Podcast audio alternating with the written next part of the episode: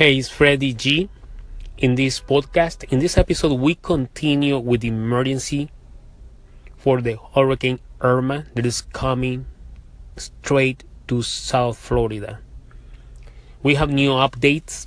It's moving to the west coast of Florida, but still we're gonna have the impact here in Miami.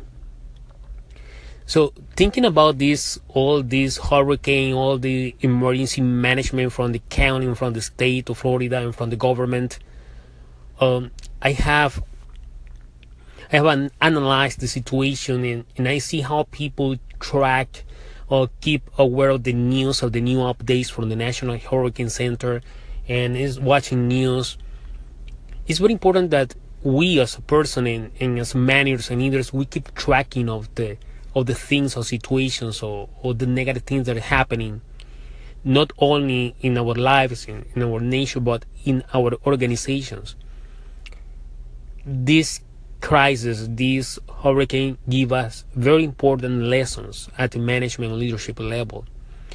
The governor Rick Scott, the Florida governor, has given us a lesson of strong communication and though the purpose is not create more panic is to be straight with the people and straight with your with your team members.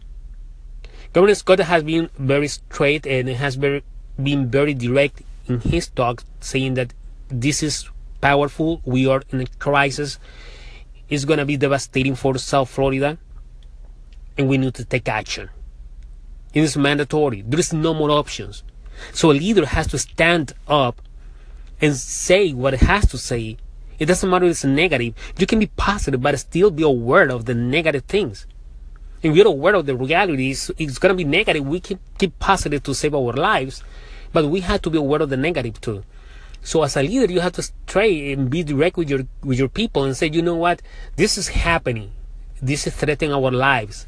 We need to get out of here. And you are being asked to evacuate from you, where you live, you had to do it. There's no more options. As a leader, you had to take things seriously and say, this is the way we have to work out this. We need to be safe. You have to have your group of people, your family safe. You have to do it. You had to get out. You had to get out. No more options.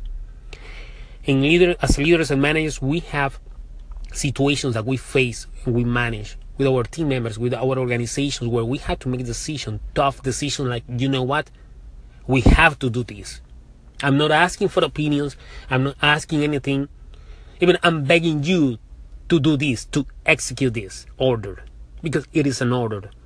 And as a leader and manager, you have to make tough decisions. And, and unfortunately, there are times, the, there are times of crisis where you cannot allow people to get opinionated and do their way. Because there are situations that leaders are responsible for. And you as a leader and manager, you have to take crisis seriously and say, you know what? This is going to happen. We have to get out of here. We have to do something. When you have to do something, there's no more options. There's no more consulting. There's no more advice. It's an order we have to execute. That's the, the role of a leader. When the leader has to make a tough decision, like hey, we have to do this, and do it now, we have to do it. This is the best lesson of all this crisis. You had to take ownership and lead your people to the way out where we can be safe. As a leader and man, as a person taking care of your family, what do you think about this?